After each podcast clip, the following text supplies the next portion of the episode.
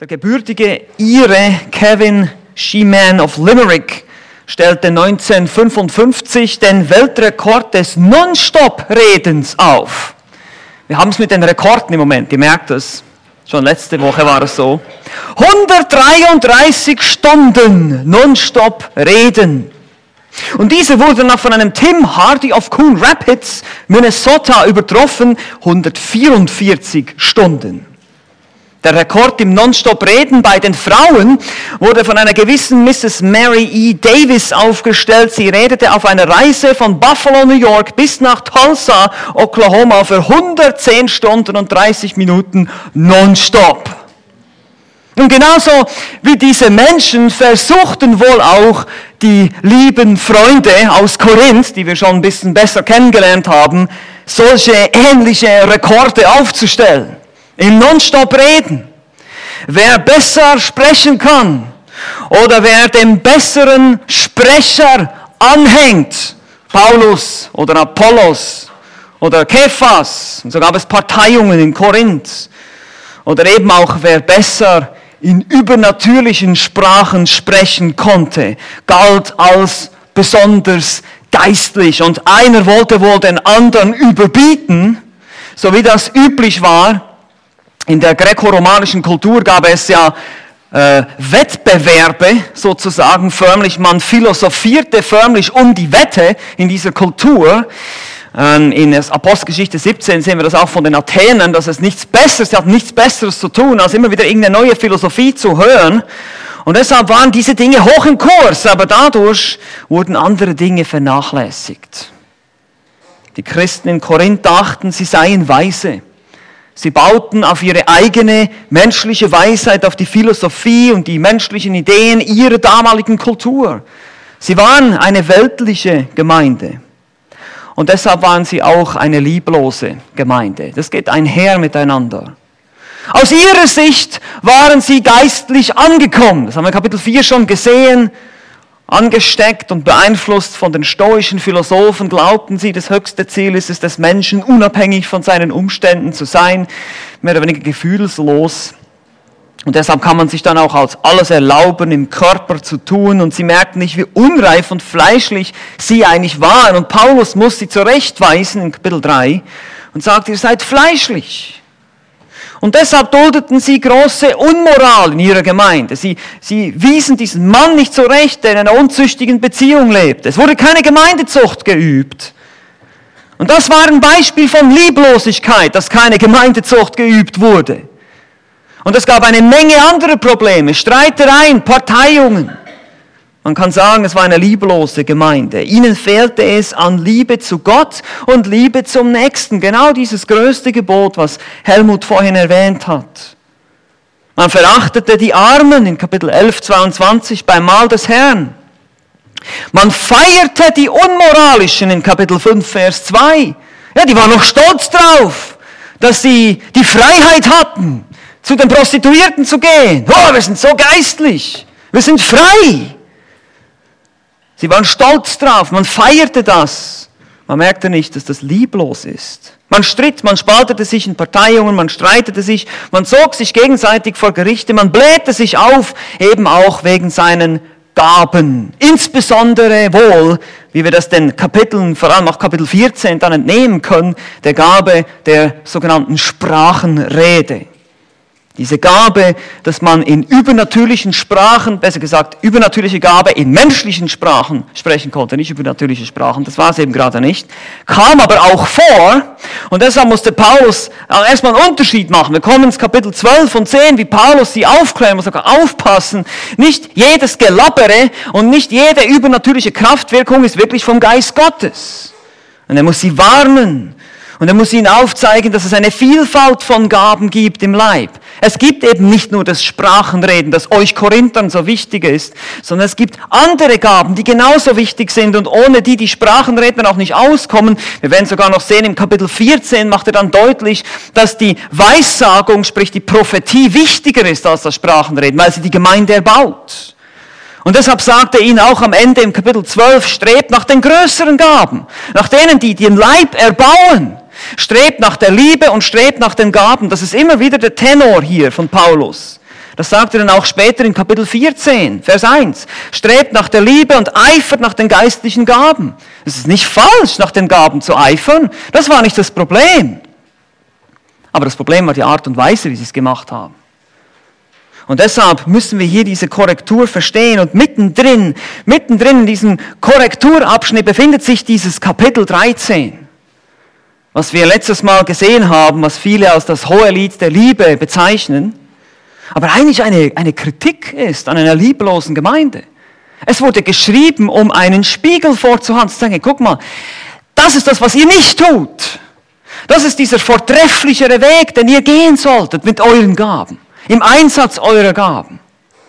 Und so muss Paulus diese lieblose Gemeinde zurückrufen zu diesem vortrefflicheren Weg. Nicht nur die größeren Gaben, nicht nur denen Präsenz geben, die eben auferbauen, weil warum tun sie das gar nicht? Warum blähen sie sich auf mit den Gaben, die eigentlich nicht so viel erbauen, das Sprachenreden, weil sie eben lieblos waren. Sie hatten nicht die Liebe, sie achteten nicht. Wir haben letztes Mal gesehen, die Definition der Liebe ist es, Bedürfnisse zu stillen, ohne diese Erwartung einer zeitlichen Belohnung.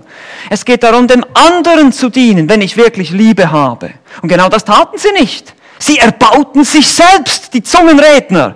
Das ist sarkastisch, das ist lieblos, das ist eine Kritik hier, das ist nicht eine Aufforderung, sich selbst zu erbauen. In Kapitel 14. Und so, weil sie eben lieblos waren, taten sie das. Also sie kamen zusammen und jeder hatte eine Lehre und einen Psalm und eine Offenbarung in Kapitel 14, 26. Das ist auch nicht eine Aufforderung, das so zu tun, sondern das ist ein Beispiel ihrer Lieblosigkeit. Die kommen alle zusammen und reden alle durcheinander und jeder will den anderen übertönen. Das war die Situation. Und genau das war lieblos. Und so muss Paulus hier Korrektur anbringen, dieses Element der Liebe hineinbringen, sagen, das, das fehlt euch. Ihr müsst, ihr müsst diese Gaben so einsetzen, dass sie den anderen dienen, dass sie den Leib erbauen und Gott ehren. Und deshalb ist es auch so wichtig für uns heute, auch wenn nicht alle dieser Gaben noch existieren, wir haben uns schon ein bisschen darüber unterhalten, dass bestimmte Gaben aufgehört haben, wir werden nochmal dazu kommen, zu dem Thema. Und trotzdem ist es so, dass jeder von uns eine Gabe hat oder mehrere Gaben hat. Und die Frage ist, wie setzen wir die ein? Was sollte das Motiv sein? Das Motiv hier ist ganz deutlich die Liebe. Und deshalb spricht er das hier an in Kapitel 13. Er spricht den Vorrang der Liebe an, die höhere Qualität der Liebe als gegenüber den Gaben und auch das, die bleibende, die, der bleibende Charakter der Liebe gegenüber den Gaben. Es ist immer vor dem Hintergrund der Geistesgaben zu verstehen. Es geht hier immer noch darum, dass Paulus den Umgang mit den Geistesgaben in der Gemeinde von Korinth korrigieren will. Und er zeigt ihnen heute eben auf, dass in den drei Versen, die wir heute anschauen werden, dass die Liebe Vorrang hat vor all diesen Gaben. Und dass all diese wunderbaren Gaben, selbst wenn sie noch so ins Extrem getrieben würden, wenn man noch so viele Gaben hätte, nichts bringen, wenn sie nicht in Liebe und das heißt zum Wohl des anderen, zur Erbauung des anderen eingesetzt würden. Bringen sie nichts. Das ist die Korrektur hier. Wie gesagt, Liebe ist das Thema dieses ganzen Kapitels. Das Wort, das griechische Wort Agape, was sehr oft für diese selbstlose, selbstaufopfernde Liebe benutzt wird. Und Paulus übt hier Kritik an der Lieblosigkeit der Gemeinde im Einsatz ihrer Gaben. Und deshalb haben wir letztes Mal so ausführlich erstmal darüber gesprochen, was ist denn Liebe und warum ist das so wichtig zu verstehen. Es ist nicht diese gefühlsbetonte, dusselige Idee, die unsere Gesellschaft heute hat von Liebe, sondern es ist eine aufopfernde, eine selbstlose Liebe, die, die mit Gerechtigkeit und Wahrheit verknüpft ist. Wir haben das letztes Mal angeschaut. Es ist letztlich Gott selbst. Es ist eine heilige Liebe, eine heiligende Liebe, eine wahrhaftige Liebe, eine Liebe, die sich wirklich darum kümmert, den anderen zu helfen, den anderen zu dienen. Und natürlich findet sie ihren Höhepunkt in Christus selbst. Christus ist das ultimative Beispiel dafür. Er hat sich selbst hingegeben. Er hat sich selbst geopfert für die Unwürdigen, für uns. Es gab nichts Liebenswertes in uns. Christus hat nicht gesagt, oh, sind so tolle Menschen, die werde ich jetzt mal retten. Nein! Wir sind Sünder und wir sind, wir sind verdorben. Wir waren ekelhaft in seinen Augen. Sind es immer noch, wenn wir nicht Vergebung hätten. Und so ist es, wie sehen wir, was wahre Liebe ist. Es ist kein Gefühl, nicht so ein Bauchgefühl, ah, diese Menschen sind so schön, ich werde für sie sterben. Nein, das ist genau eben nicht der Fall und deshalb müssen wir das verstehen. Und deshalb war diese Lektion eben auch für die Korinther damals, für die Christen in Korinth so wichtig, weil es ihnen offenbar an diesem wichtigen Element fehlte im Einsatz ihrer Gaben, im Streben nach den Gaben. Sie strebten nach den Gaben aus falschen Gründen, eben um sich selbst darzustellen, um sich selbst zu präsentieren und zu zeigen, wow, wie toll ich bin und wie, wie begabt ich bin, wie ich doch wunderbar in Sprachen reden kann zum Beispiel.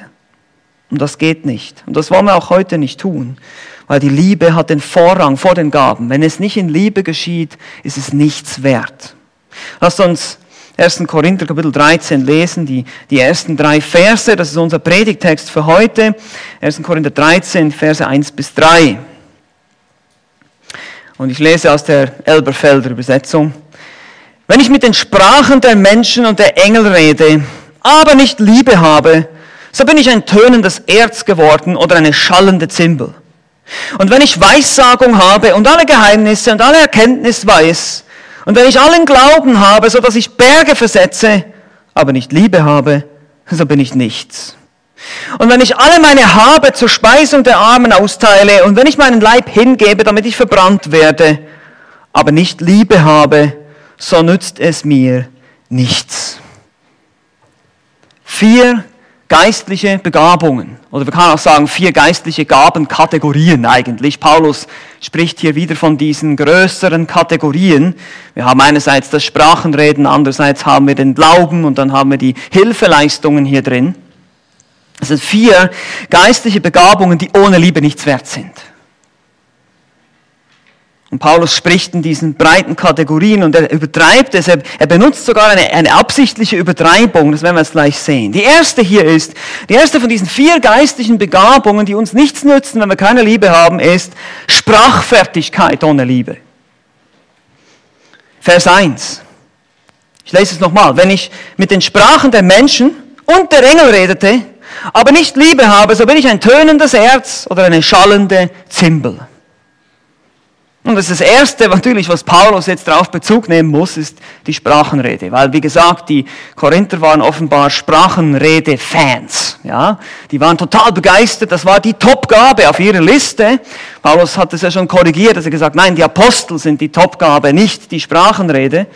Aber das war da wohl das Populärste. Und dann musste er das schon etliche Male erwähnen. Und das ist diese übernatürliche Begabung, in menschlichen Fremdsprachen zu sprechen. Ja, das ist eine übernatürliche Begabung, in menschlichen Fremdsprachen zu sprechen, nicht irgendwelche anderen Dinge.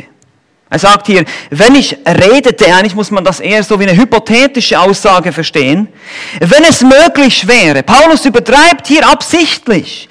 In Vers 2 spricht er auch von aller Erkenntnis. Ja, also es ist eine Übertreibung. Wenn ich alle Sprachen sprechen könnte, das war keinem Sprachenredner damals gegeben, wenn ich alle Sprachen der Menschen oder auch sogar noch die, und dann setzt er noch einen oben drauf, die Sprache der Engel. Selbst wenn ich die Engelssprache sprechen könnte, vielleicht sogar alle Engelssprachen, dann, selbst dann, und das ist eine hypothetische Betreibung zum Zwecke des Arguments hier, das heißt nicht, dass es eine solche Engelssprache tatsächlich gab, dass es hier eine, wie sage ich mal, eine spezielle Form der Zungenrede ist, wie das vielleicht manche Charismatiker behaupten, sondern hier geht es darum, Paulus übertreibt zum Zwecke des Arguments. Selbst wenn das möglich wäre, der ganze Abschnitt ist, hat diesen Charakter. Eben, selbst wenn ich alle Erkenntnisse und alles Wissen hätte, hat er ja auch nicht. Und deshalb, selbst wenn ich hier in Sprachen der Engel sprechen könnte, und dann kommt sein Punkt, aber keine Liebe habe. Dies ist der Refrain hier, dies ist der Chorus, der kommt immer wieder, aber keine Liebe habe. Selbst wenn ich noch so begabt bin und keine Liebe habe, ist es sinnlos nutzlos. Er, er, er drückt das hier jetzt aus in einer speziellen Form. Er sagt, selbst diese unglaublichen Gaben ohne Liebe wären dann, dann wäre ich wie ein tönendes Erz. Das Erz hier, dieses Wort, ist vielleicht eine Art Gong aus einem heidnischen Tempel. Aber das ist nicht gesichert, weil das Wort Chalkos bedeutet eigentlich nur das Material, das Metall, also wie Kupfer oder Messing oder Bronze. Und auf dieses Material kann man auch hauen, das klingt, klingt dann auch irgend so ein nerviger Ton. Es muss also nicht unbedingt ein Musikinstrument gemeint sein hier, sondern vielleicht auch einfach ein einfaches Stück Eisen oder sogar ein kultischer Gegenstand, eine kleine Statue, auf die man haut. Und das produziert diesen Klang. Das Verb echeo, woher wir das Wort Echo haben, äh, bedeutet einfach klingend. Ein echoendes Eisen sozusagen. Und vielleicht habt ihr das auch schon erlebt, wenn ihr Kinder habt, äh, dass sie damit irgendwie so mit einem Spielzeugauto gegen die Heizung hämmern. Bang, bang, bang, bang. Das nervt einfach total mit der Zeit, ja. So müsst ihr euch das vorstellen. Ist einfach so ein nervender Klang. So ein, einfach, das ist nichts Hilfreiches, nichts Angenehmes. Und genauso auch die schallende Zimbel, die wahrscheinlich eher ein Musikinstrument ist, das Kumbalon, beschreibt zwei Zimbeln aus Metall, die gegeneinander geschlagen, so wie Chinellen, ja, so, ja, kann man sich richtig vorstellen, dieses Bang, Bang, Bang, Bang, die ganze Zeit. Ja, das ist, das ist so, wie wir sind, wenn wir ständig reden, reden, reden, reden, ohne Liebe. Es nutzt nichts. Es ist keine, es ist keine Auferbauung da. Und genauso war es bei den Korinthern. Sie haben geredet und geredet und geredet in Fremdsprachen. Keiner hat überhaupt verstanden, um was es eigentlich geht. Das war ein Riesendurcheinander. Das bringt überhaupt nichts. Ihr seid wie schallende Zimbeln und, und lärmende Eisen, die einfach nur auf den Nerv gehen. Das ist der Charakter eures Gottesdienstes. Das kann ich angehen. Weshalb diese Sprachengaben ohne Liebe ausgeübt, im Sinne von, ich will jetzt hier reden und ich will jetzt hier zeigen, wie gut ich bin, lass mich, sei mal alle ruhig und die anderen machen genau dasselbe, ist nutzlos. Selbst wenn ich alle Sprachen der Menschen beherrschen würde, sogar mit Engeln sprechen könnte und nicht die Liebe habe, wäre das nutzlos. Nun, Sprachfertigkeit ohne Liebe, ich meine, in diese Sünde können wir auch alle fallen, das wissen wir. Hier geht die Warnung als erstes an uns Prediger. Ja, wenn wir predigen, das geht auch an diejenigen unter uns, die Prediger sind oder Prediger werden wollen eines Tages. Die Frage ist, liebst du die Menschen, zu denen du predigst? Ja, das ist eine wichtige Frage.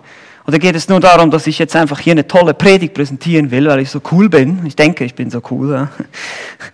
Aber dann geht's weiter, vielleicht in der Evangelisation. Ja, wenn du Menschen das Evangelium verkündigst, liebst du die Menschen, denen du das Evangelium verkündigst? Interessierst du dich wirklich für sie? Oder ist es nur ein Evangelisationsobjekt für dich? Ist auch, du, du magst vielleicht ein eleganter Evangelist sein, der das wirklich super rüberbringen kann, vielleicht auch nicht, je nachdem. Aber wenn es ohne Liebe geschieht, ist es auch nichts wert. Und das müssen wir, da müssen wir uns hinterfragen. Wir können viel reden, wir können gut reden, wir können schön reden, aber die Frage ist, ist diese Rede, kommt sie aus Liebe und dient sie der Erbauung des Nächsten? Oder ist es dann eben nur ein Lärm, ein, so wie dieses schallende Eisen? Die Liebe tut nicht groß und sie bläht sich nicht auf, heißt es später auch noch in dem Kapitel. Und deshalb sagt er das. Die Korinther, die blähten sich richtig auf mit ihren Sprachenreden. Und so können wir uns hier ein paar Fragen stellen. Das ist vielleicht so eine erste Anwendung, eine erste Lektion, wenn ihr euch das aufschreiben wollt. Wenn, ihr, wenn wir unsere Rede prüfen, ja. Die erste Frage, die wir uns stellen müssen, ist, kommen faule Worte aus meinem Mund? Ja, eine Anlehnung an Epheser 4, 29, kein faules Wort soll aus meinem Mund kommen. Also meine Kommunikation, wenn ich rede, selbst wenn sie noch so elegant sein mag, benutze ich irgendwelche Kraftausdrücke, irgendwelche Dinge, die, die, die einfach nur faul sind, dann ist es sicher nicht in Liebe. Zweitens, rede ich die Wahrheit in Liebe. Wir haben gesehen, Liebe ist ja mit Wahrheit verknüpft. Darum legt die Lüge ab und redet die Wahrheit, heißt es in Epheser 4, 25. Wahrheit reden ist gut, aber wir sollen sie dem Gegenüber auch nicht um die Ohren knallen. Versuche ich in einem sachlichen, klaren, freundlichen Ton und in einer Art und Weise zu kommunizieren, schau, ich will dir helfen. Ja, ich will dir helfen. Manchmal muss man unangenehme Dinge sagen, aber das kann man auch so sagen, dass man sagt, ich, ich möchte, dass du Christus ähnlicher wirst. Ist das wirklich die Motivation dahinter? Drittens, Ganz wichtig, rede ich so, dass es den anderen erbaut. Was ist gut zur Erbauung? Was nötig ist, damit es den Hörern Gnade bringe, heißt es in Epheser 4,29 weiter. Was ist mein Motiv? Geht es darum, dem anderen wirklich zu helfen oder ihn zu zerstören? Das ist die Frage. Oder geht es darum, dass ich das Argument gewinnen will, jetzt zum Beispiel in der Evangelisation? Ja, kann es geschehen, dass ich, äh, dass ich plötzlich mich auf so eine Diskussion einlasse mit einem Atheisten und merke ich plötzlich, mir geht es plötzlich nur noch darum, das Argument zu gewinnen. Ja, und dann, nein, das ist nicht das Ziel. Ich möchte, dass dieser Mensch gerettet wird. Ja, diese Retterliebe zu haben. Für den Menschen, der blind ist und verloren ist. Und deshalb viertens, rede ich als Diener, ist die Frage. Rede ich als Diener, ja? Bin ich demütig? Rede ich wie jemand, der dem anderen die Füße wäscht und nicht den Kopf? ja, das ist nicht das Ziel. Es geht mir immer darum, den anderen zu erbauen. Das soll das Ziel sein. Das ist auch das, was Paulus hier eigentlich sagt. Diese Geistesgaben, auch diese Redegaben sind zur Erbauung des Leibes gedacht. Also das war das Erste, Sprachfertigkeit ohne Liebe. Die zweite Problematik hier ist Erkenntnis ohne Liebe. Zweite geistliche Begabung, die ohne Liebe nichts wert ist, ist Erkenntnis ohne Liebe. Vers 2 die erste Hälfte heißt es, und wenn ich Weissagung habe und alle Geheimnisse und alle Erkenntnis weiß. Und das Prinzip ohne Liebe gilt eben auch für die größeren Gaben, die Kategorie, die Paulus unter 1228 einordnet, die Apostel, die Propheten und die Lehrer, die Erkenntnis, das Wort der Erkenntnis, das Wort der Weissagung, diese Dinge. Auch das kann in einer lieblosen Art und Weise praktiziert werden.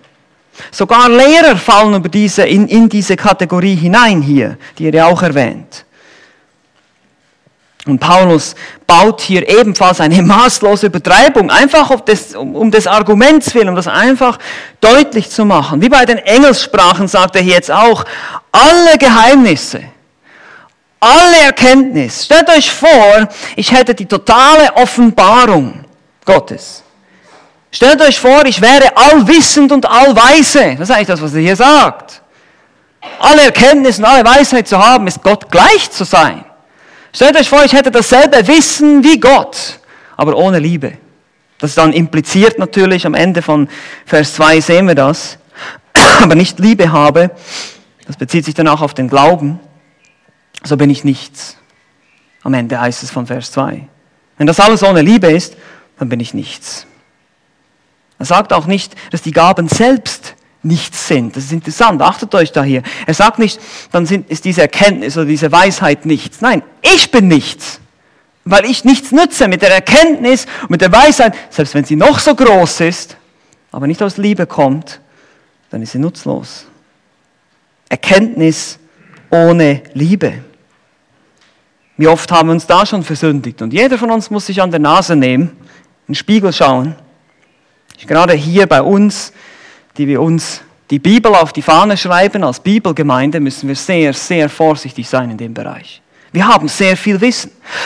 Und Wissen ist gut. Ich will das, wie gesagt, Paulus sagt nicht, dass Wissen selbst ist das Problem. Das ist nicht schlecht, das ist nicht falsch. Aber Erkenntnis bläht auf, hat er gesagt in Kapitel 8, Vers 1. Und diese Erkenntnis kann uns stolz machen. Wir haben ausgebildete Leute mit Mastertiteln und so weiter und so fort. Das kann uns stolz machen. Wir können überheblich werden. Wir denken, wir wissen alles. Und das ist genau das, wovor Paulus hier warnt. Diese Erkenntnis, diese Weisheit, die du hast, die ist wertvoll, die ist wunderbar, aber sie muss in Liebe, das heißt wiederum zur Stillung der Bedürfnisse ohne eine, eine Erwartung einer, einer, einer Bezahlung sozusagen, etwas zurückzuerwarten. Es muss da sein, dem anderen zu dienen. Ihr wisst, dass die Pharisäer und die Sadduzäer zur Zeit Jesu die Meister waren. Die hatten ein unglaubliches Wissen. Aber sie setzten es nicht in Liebe ein, sondern nur, um sich selbst zu dienen, um von Menschen gesehen zu werden, sagte Jesus. Und er kritisierte sie dafür. Hier wiederum ein paar hilfreiche Lektionen für uns die wir, uns mit, die wir mitnehmen können davon. Erkenntnis, erstens, Erkenntnis allein rettet nicht. Erkenntnis allein rettet nicht. Die Pharisäer wussten vieles und hatten viel Wissen. Und auch wenn du heute hier sitzt und viel weißt, vielleicht über die Bibel, über das Evangelium, das heißt noch lange nicht, dass wir gerettet sind. Das bedeutet noch lange nicht, dass ich ein Christ bin, nur weil ich viel Bibelwissen habe. Dieses Bibelwissen ist, wie gesagt, wertvoll. Es liegt nicht, das Problem liegt nicht im Bibelwissen. Das Problem liegt in der fehlenden Liebe zu Gott und zum Mitmenschen. Du liebst Christus erst, wenn du wirklich errettet bist. Wir haben letztes Mal auch gesehen, diese Liebe ist ein Geschenk Gottes. Es ist eine übernatürliche Liebe. Römer 5. Deshalb Erkenntnis allein rettet uns nicht. Im Gegenteil, es macht uns mehr verantwortlich vor dem Herrn. Und deshalb zweitens, Erkenntnis ist nicht gleich Reife. Das ist auch ein wichtiger Punkt. Manchmal denken wir, wenn jemand so schlau reden kann und viel weiß, denkt man, oh, der ist reif, der versteht viel und so weiter. Äh, aufpassen. Das geht nicht immer einher. Also es hat schon miteinander zu tun. Man muss, man muss bestimmte Dinge wissen, um reif zu werden. Aber das alleine reicht auch noch nicht aus. Dieses Wissen muss nämlich umgesetzt werden. Die Frage ist immer, was setzt du von deinem Wissen auch um? Und das ist der Moment, wo die Bibel sehr praktisch wird und uns herausfordert in 1. Johannes 2, Vers 6. Wer sagt, dass er in Christus bleibe, ist schuldig, selbst auch so zu wandeln, wie er gewandelt ist. Wie ähnlich bin ich Christus, ist die Frage. Und da bin ich nämlich auch wiederum in diesem vortrefflichen Weg. Christus ist die Liebe selbst, die Liebe Gottes selbst. Er ist die Verkörperung der Liebe Gottes. Mit anderen Worten, wer sagt, dass er Christ ist, ist verpflichtet auch so zu leben wie Christus. Nun, ich weiß, wir werden das nie vollkommen tun können, aber das ist das, wonach wir streben. Da wird immer eine Kluft sein, aber wir wollen nicht, dass diese Kluft größer wird zwischen Wissen und Praxis. Wir wollen, dass wir wenigstens hinterherhinken, ja? Also wenigstens hinterherkommen und Dinge auch umsetzen und nicht unseren Kopf vielleicht mit irgendwelchen Endzeit-Theorien vollstopfen und zu Hause aber unsere Frauen, unsere Kinder nicht lieben. Das ist, das ist Erkenntnis ohne Liebe. Das nützt uns nichts, sagt Paulus. Und drittens, Erkenntnis muss nicht immer gezeigt werden. Erkenntnis muss nicht immer gezeigt werden. Was meine ich damit? Sprüche 18, Vers 2. Der Tor hat keinen Gefallen an Verständnis, sondern nur daran, sein Herz zu offenbaren. Man muss nicht immer zeigen, wie viel man weiß. Selbst wenn man viel weiß, sondern man muss von einem anderen Mund gelobt werden. Kennt ihr solche Leute oder habt ihr das selber schon erlebt und bei uns, bei mir selbst beobachtet, dass man redet, um mehr zu demonstrieren, wie viel man eigentlich weiß? Oder vielleicht eben dieses Argument zu gewinnen, zu zeigen, ich weiß mehr als du. Ja. Und das ist auch ein Punkt, wo ich sehr überführt bin und war, versuche dich kurz zu fassen. Ähm, dass wenn, ich, wenn, mir jemand eine Frage stellt, dass ich nicht gleich einen theologischen Vortrag halte, sondern dass ich versuche, das eben so zu machen, dass der andere es versteht. Und das sind ganz wichtige Dinge, wo wir uns hinterfragen können, handle ich wirklich in Liebe? Geht es mir darum, dem anderen weiterzuhelfen? Und viertens, Eben Erkenntnis muss richtig eingesetzt werden. In Liebe. Was bedeutet das? Es bedeutet, diese Erkenntnis soll dazu dienen, Bedürfnisse zu stillen, anderen weiterzuhelfen im Glauben, dass sie Christus ähnlicher werden können. Die Frage ist, was braucht der andere? Nicht, was will ich jetzt gerade noch alles sagen dazu, zu diesem Thema? Weil ich mich so intensiv damit beschäftigt habe, muss ich demonstrieren, wie viel ich weiß. Nein, ich muss ihm helfen zu verstehen, was vielleicht seine Frage ist oder wie er weiterkommen kann, der Bruder oder die Schwester. Oh, danke, ich habe schon. Passt es in die Situation? Vielleicht auch hat er danach gefragt. Und manchmal muss man gewissen Leuten auch Fragen beantworten, die sie nicht gestellt haben. Das hat Jesus auch gemacht. Äh, oder man, gewisse Fragen kommen in einer Art und Weise, dass sie vom Thema ablenken, da muss ich vielleicht sagen, lass uns mal erstmal über das Evangelium sprechen, bevor wir über Evolution sprechen zum Beispiel. So müssen wir in Liebe versuchen herauszufinden, was würde diesem Menschen jetzt in dieser Situation weiterhelfen.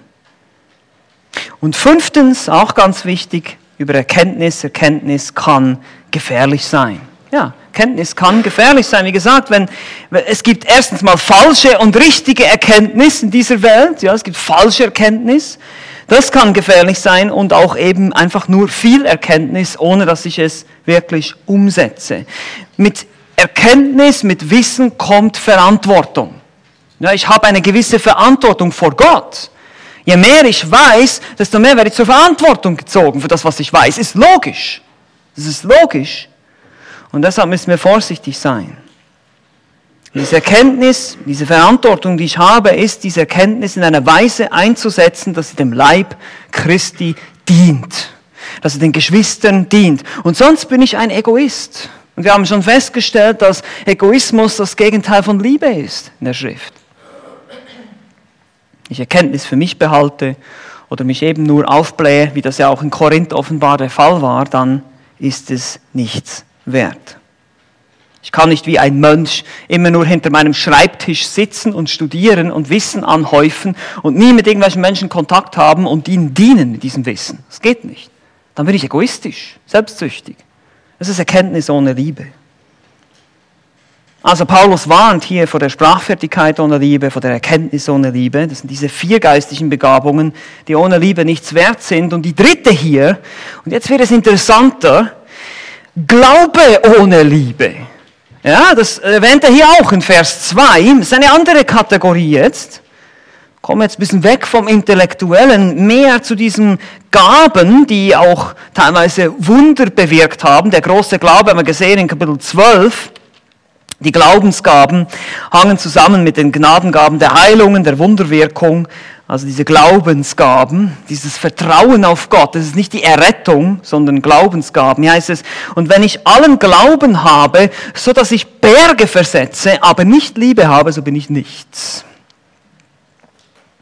Das ist wie gesagt nicht der rettende Glaube, der Glaube dass du an Jesus Christus glaubst für die Vergebung deiner Sünde, dass du Buße tust und zum Kreuz kommst und Vergebung erfährst und recht gerechtfertigt wirst, von Gott gerecht erklärt und ein Kind Gottes wirst. Das ist nicht damit gemeint hier, sondern es ist dieses besondere, starke Vertrauen. Es ist eine Gabe, eine übernatürliche Gabe des großen und starken Vertrauens auf Gott. Und diese Gabe hat dann teilweise auch dazu geführt, dass eben Berge versetzt wurden, im Sinne von große Zeichen und Wunder geschahen. Und das sehen wir zum Beispiel in der Apostelgeschichte oder eben offenbar auch in Korinth.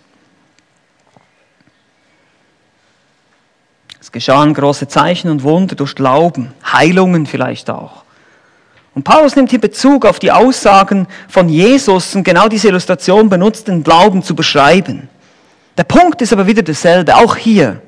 Dieser Glaube, dieses große Vertrauen, ein wunderwirkender Glaube, der Berge versetzen kann, wenn, das nur, wenn ich das nur zu meiner eigenen Ehre tue, nur für meine Befriedigung und nicht zum Wohle anderer, zum Dienst an anderen, aus Liebe nur für mich, dann ist diese großartige Gabe nichts wert. Wie gesagt, am Ende von Vers 2 sagt er, wenn ich nicht Liebe habe, so bin ich nichts. Und wiederum nicht die Gabe selbst, sondern ich.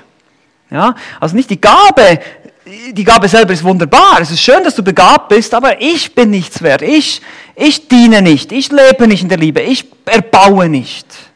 Das ist hier wiederum die Idee.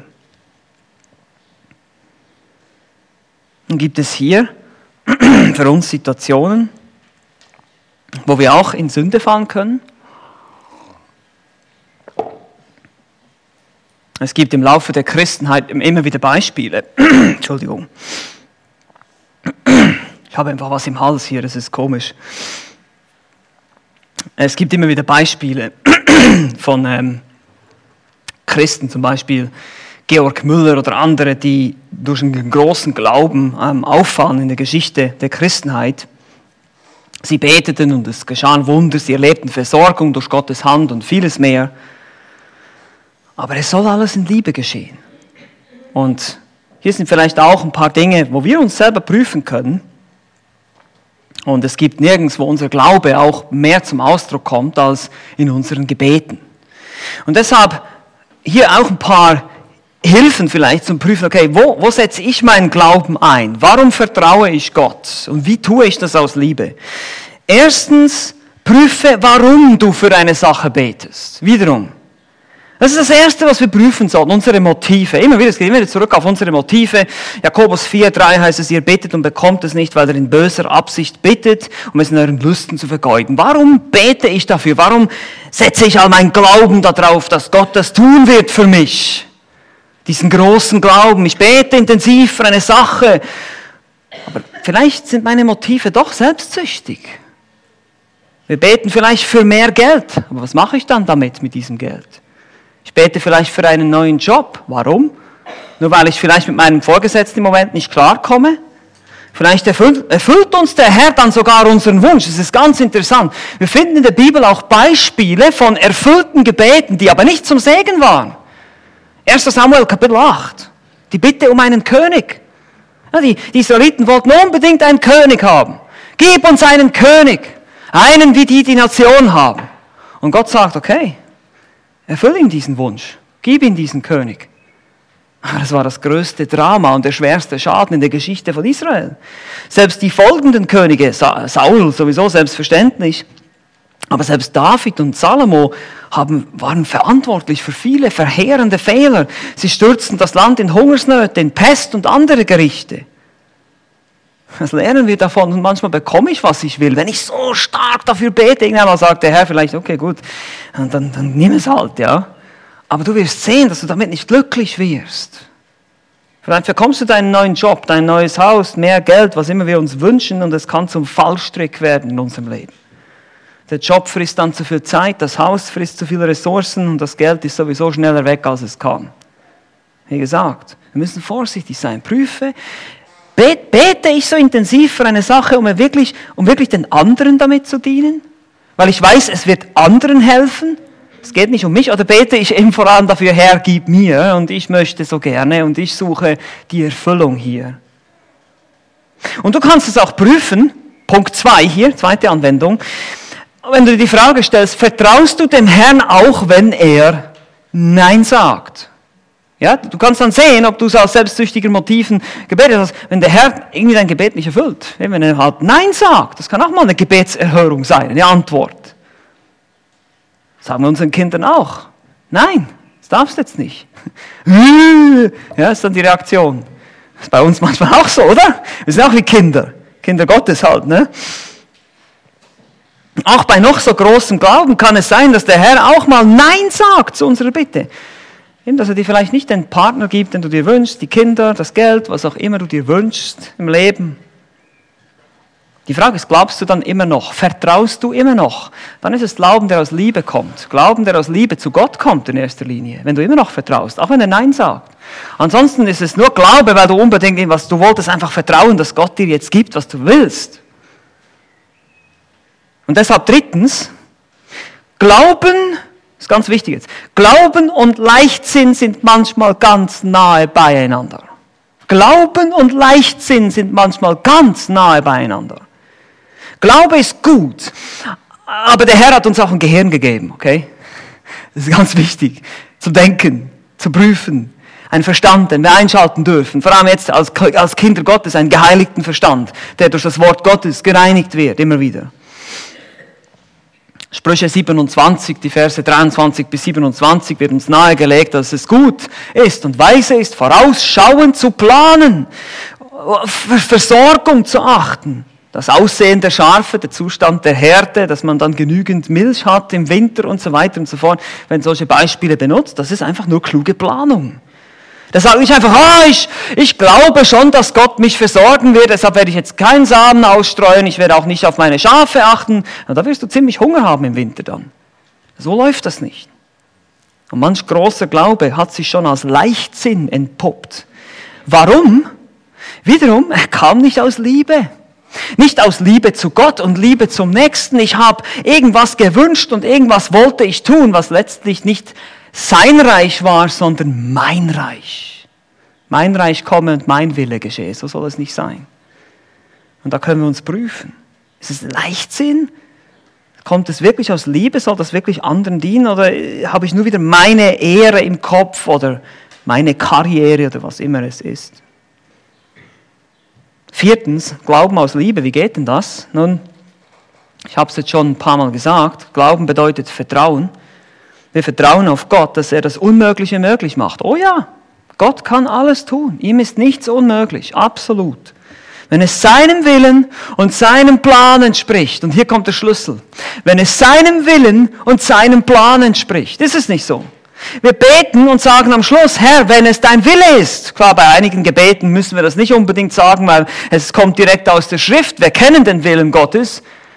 Wenn ich darum bitte, dass er mich mehr heiligt, ja, zum Beispiel, dann weiß ich, dass der Wille Gottes unsere Heiligung, 1. Thessalonicher 4, dann muss ich sagen, Herr, wenn es dein Wille ist, natürlich ist es sein Wille, er hat es dir ja gesagt. Steht da in der Schrift. Aber es gibt manchmal Dinge, die sind nicht so explizit in der Bibel. Ja? Und da müssen wir vielleicht etwas vorsichtiger sein. Und wir machen das aus Liebe heraus und sagen, Herr, wir wollen, dass dein Wille geschieht und dein Reich komme, weil das wird nämlich auch das Beste für unsere Mitmenschen sein. Seht ihr den Zusammenhang? Liebe zum Nächsten, Liebe zu Gott. Es wird das Beste. Der Wille Gottes ist immer das Beste, auch für meinen Nächsten. Und deshalb bete ich, dass sein Wille geschieht, auch im Leben von meinem Nächsten.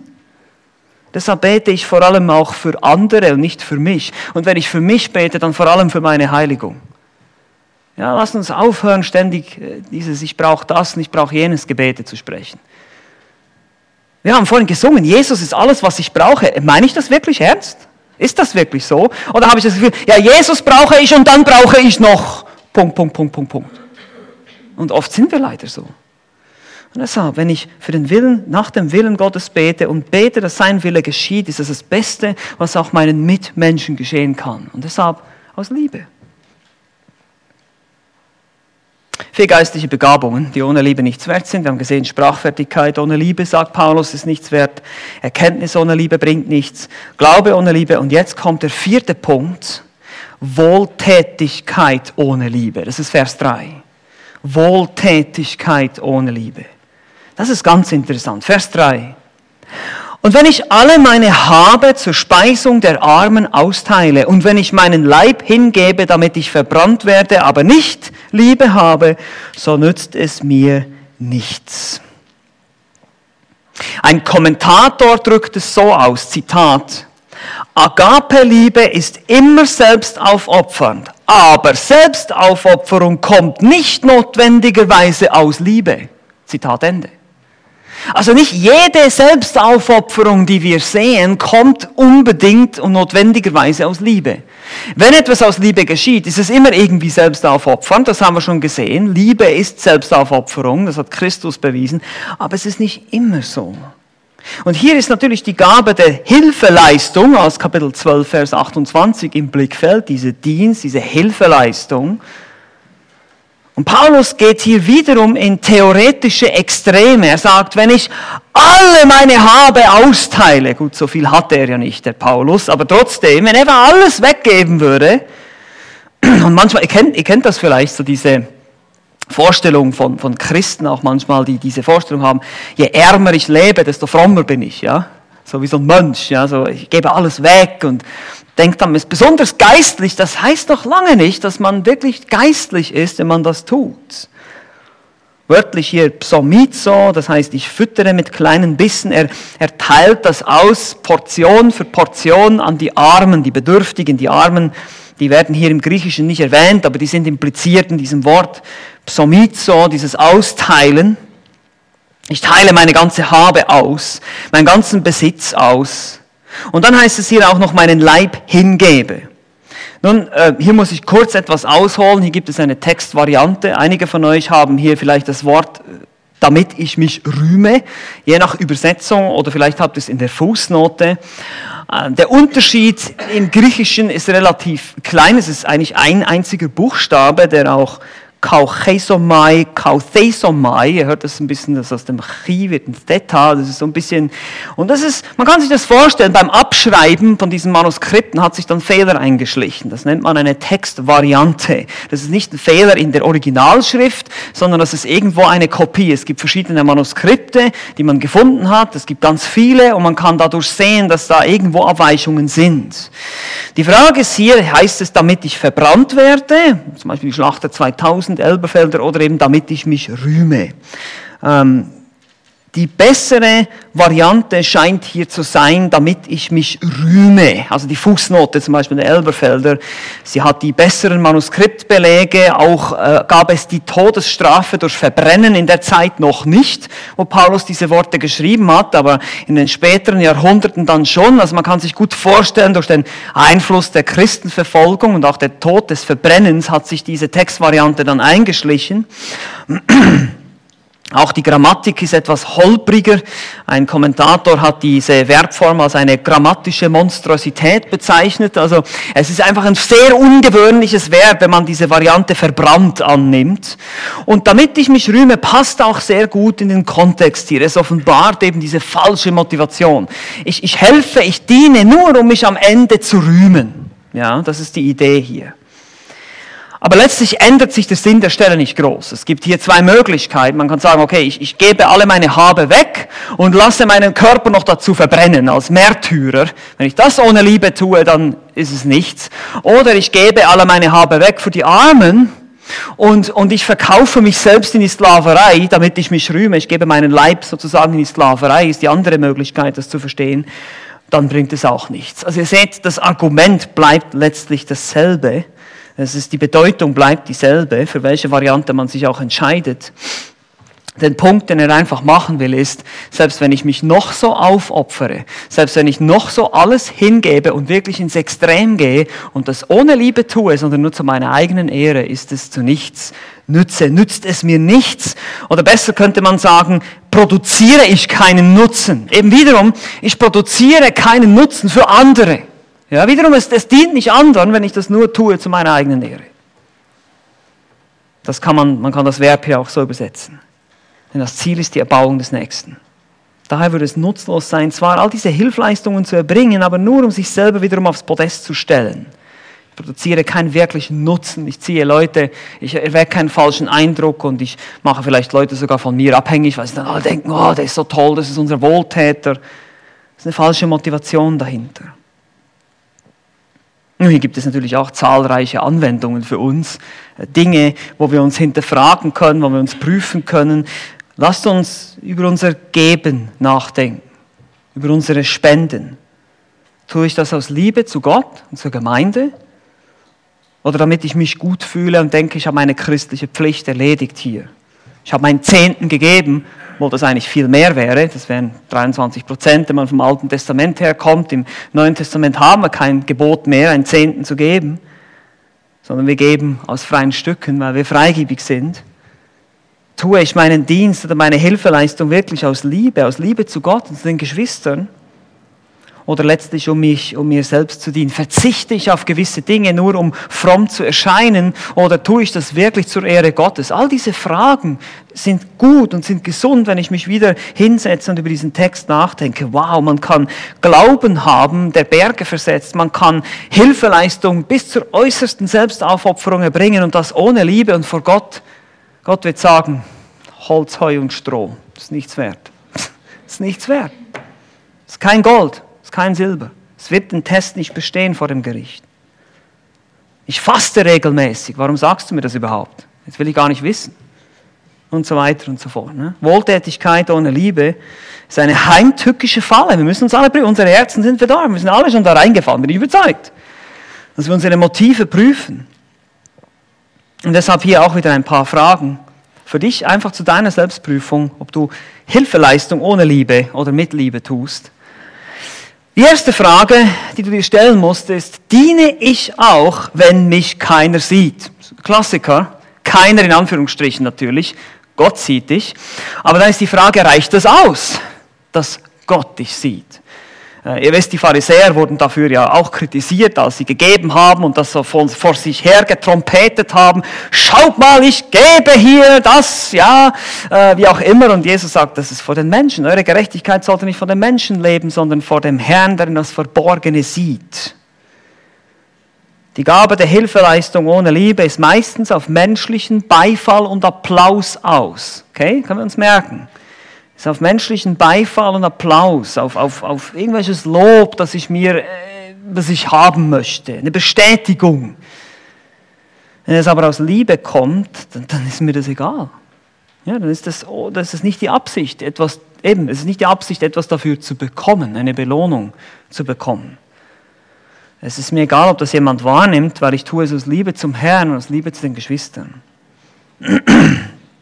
Und wenn ich mich beschwere und Gedanken habe wie, ja, keiner hat mir gedankt und keiner hat mich für meinen Dienst anerkannt, dann muss ich mich wirklich fragen, ob ich das aus Liebe tue.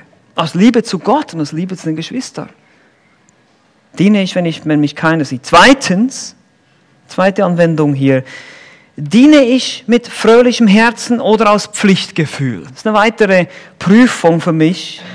Wenn mein Dienst ein zähneknirschendes, ich muss ja, ich habe ja keine Wahl ist, dann muss ich mich fragen, ob das wirklich aus Liebe kommt. Weil diese Hilfeleistung, selbst wenn sie noch so aufopfernd ist, aber zähneknirschend, wie gesagt, es, es wird, wird nicht anerkannt vor dem Herrn. Es kommt nicht von Herzen. Liebe dient gerne den anderen und kann dabei fröhlich sein, denn sie sucht nicht das ihre, heißt es in Vers 5, in Kapitel 13. Deshalb stelle ich mir die Frage, stell du dir die Frage, bringt es mir Freude, anderen zu dienen? andere glücklich zu machen. Geben ist seliger als nehmen. Dritte Anwendung. Diene ich so, dass es anderen tatsächlich hilft. Ja? Manchmal dienen wir und machen alles Mögliche, die Frage ist, hilft es dann wirklich auch? Bringt es was? Da steht immer wieder von Nutzen für die Gemeinde, Erbauung für die Gemeinde. Paulus macht das immer wieder deutlich. Ich produziere keinen Nutzen ja, für den Leib. Manche Leute dienen nur da, wo sie wollen. Ich will jetzt unbedingt in den und den Dienst. Ich will jetzt unbedingt, was weiß ich, keine Ahnung. Ich will jetzt unbedingt Musik machen. Ich bin Musiker, ich muss auf die Bühne, ja, zum Beispiel. Die Frage, dienst du so, wie, wie, wie, es auch gebraucht wird? Packst du auch da an, ja, wenn es mal ums, vielleicht ums Aufräumen geht oder so, oder sagst du, nee, das ist nicht meine Gabe. das ist nicht meine Gabe. Ja? Diene ich wirklich aus Liebe so, dass es anderen hilft, so dass es der Gemeinheit, der, der, der, der Gemeinschaft, meine ich, der Allgemeinheit nützt?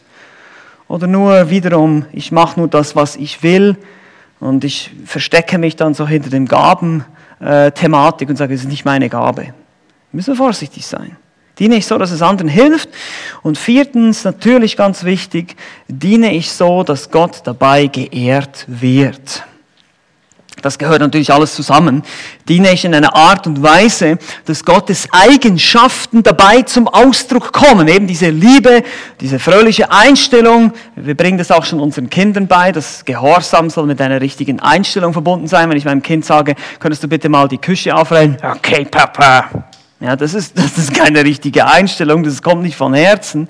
Und, und das müssen wir uns aber auch prüfen. Wir machen das auch als Gläubige. Wir sagen auch manchmal, okay Gott, mache ich halt, wenn es denn sein muss, werde ich, was weiß ich, tun. Aber das ist nicht die Idee. Und deshalb ehrt es den Herrn nicht, weil seine Liebe und seine Güte, die du erfahren hast in der Vergebung deiner Sünde, sollte dich dazu bewegen, diese Dinge zu tun. In einer Art und Weise, wie es Gott ehrt. Mit, mit Anstand, mit Ordnung, mit, mit Liebe, mit Freude und all diese Dinge.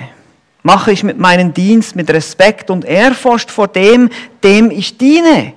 Gebe ich mein Bestes? Will ich wirklich Qualitätsarbeit leisten für den Herrn, nicht nur für meinen Arbeitgeber? Für den Herrn, für die Gemeinde vielleicht. Oder ist es halt so ein bisschen, naja, das ist ja nur für die Gemeinde, da kann man ja, ja das, das ist, das ist auch eine, ehr, eine ehrfürchtige Einstellung, weil ich möchte dem Ehre geben, in dessen Dienst ich stehe. Und deshalb aus Liebe zu ihm tue ich diese Dinge in einer guten Art und Weise, die ihn ehrt. Und so kommen wir zum Schluss. Liebe ist diese innere Einstellung, die Bedürfnisse des anderen über die meinen zu stellen. Wir haben es ein paar Mal gehört jetzt. Es ist, was unseren Dienst, unseren Glauben, unsere Kenntnis, unsere Rede prägen soll. Und das ist schwere Arbeit. Das, es erfordert Disziplin, mein Fleisch zu züchtigen, mein Fleisch unter Kontrolle zu haben und sagen, nein, Paulus sagt, ich züchtige, ich schlage meinen Leib in Kapitel 9, er diszipliniert sich, er verzichtet auf Dinge, damit er anderen helfen kann, anderen dienen kann. Und so ist die schönste Predigt, die schönste Rede, der größte und weiseste Erkenntnis, der größte Glauben oder auch der aufopferungsvollste Dienst ist nichts wert ohne Liebe. Es ist einfach, es bringt diesen Nutzen nicht, diese Erbauung, es geschieht nicht aus Liebe zum Herrn. Und deshalb lasst uns stille werden und uns prüfen vor dem Herrn. Warum rede ich? Warum will ich mehr wissen? Warum vertraue ich und bete für eine bestimmte Sache so stark und warum diene ich? Was ist mein Motiv? Und ich hoffe, dass dieses Motiv eben die Liebe zu Gott und die Ehre Gottes ist und die Liebe zum Nächsten. Amen. Amen. Lasst uns beten.